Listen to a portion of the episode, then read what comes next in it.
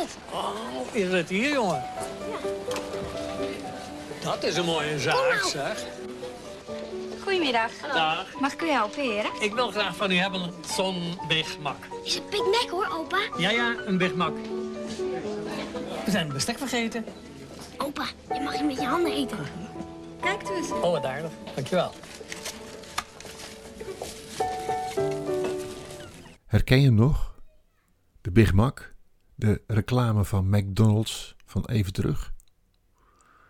Kleinkind loopt met opa mee naar binnen. Prachtig, je ziet het in de reclame voor je. Je hebt er niet eens een video bij nodig. Opa met zijn Big Mac. Hij is niet meer weg te denken. De hele keten van de McDonald's. Bijna elke snelweg. En in elk dorp, elke stad, overal vind je dan wel een, eh, een Big Mac restaurant. Het restaurant met de twee boogjes. Om heerlijk te eten. Nou, heerlijk. Dat is nog maar de vraag. Wat is lekker eten? Wat is een goede kok? En heb je misschien een goed gesprek nodig tijdens het ritueel? Zijn omstandigheden van belang? Je snapt dat elke dag weer neerzetten van een maaltijd een topprestatie is.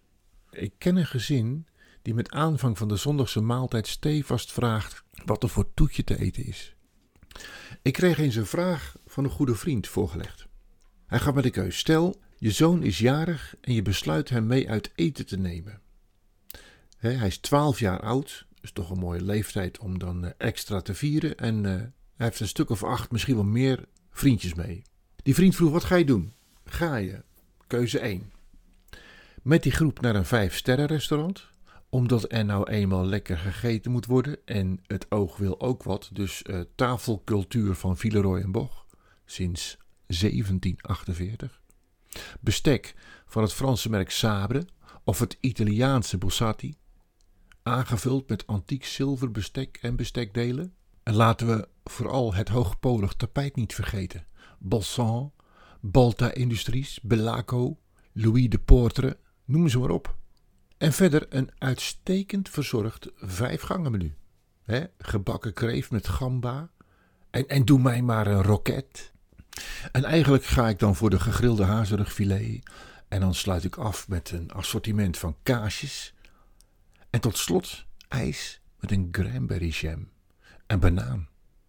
Kortom, alle ingrediënten aanwezig om een ramp van de eerste orde tegemoet te komen. Want te zien naar die tien prepuberale tapijtlarven die zich stierlijk vervelen om het eeuwige geduld wat ik heb met mijn niet beschreven soepje. Volgens mij haal ik de gamba niet eens. Al het voor mij eetbare goud is bij het plebs terug te vinden tussen de hoge pola. Heuga doet al gauw 500, 600 euro de vierkante meter. Kleine Montessori-huftertjes. Kortom, heerlijk eten, maar niet weg te duwen vanwege de omstandigheden. Keuze 2. Je neemt de troep mee naar McDonald's en trakteert hen op een Big Mac. Oh, sorry, Big Mac.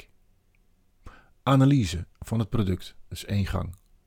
Eén wit bolletje, iets met sesam, iets met dood vee, een plakje kaas, wat ondefinieerbare saus, een blaadje sla en ongetwijfeld kruiden, maar die proef ik niet. Als ik alle producten op een rij leg en deze één voor één opeet, is het vreselijk. Maar de combinatie is te doen. Echter, als ik zie hoe het verveelde vulgus zich vol overgave stort op het door mij betaalde goedje, kan ik het niet laten of ergens worden mijn smaakpapillen beïnvloed en ga ik het zowaar lekker vinden.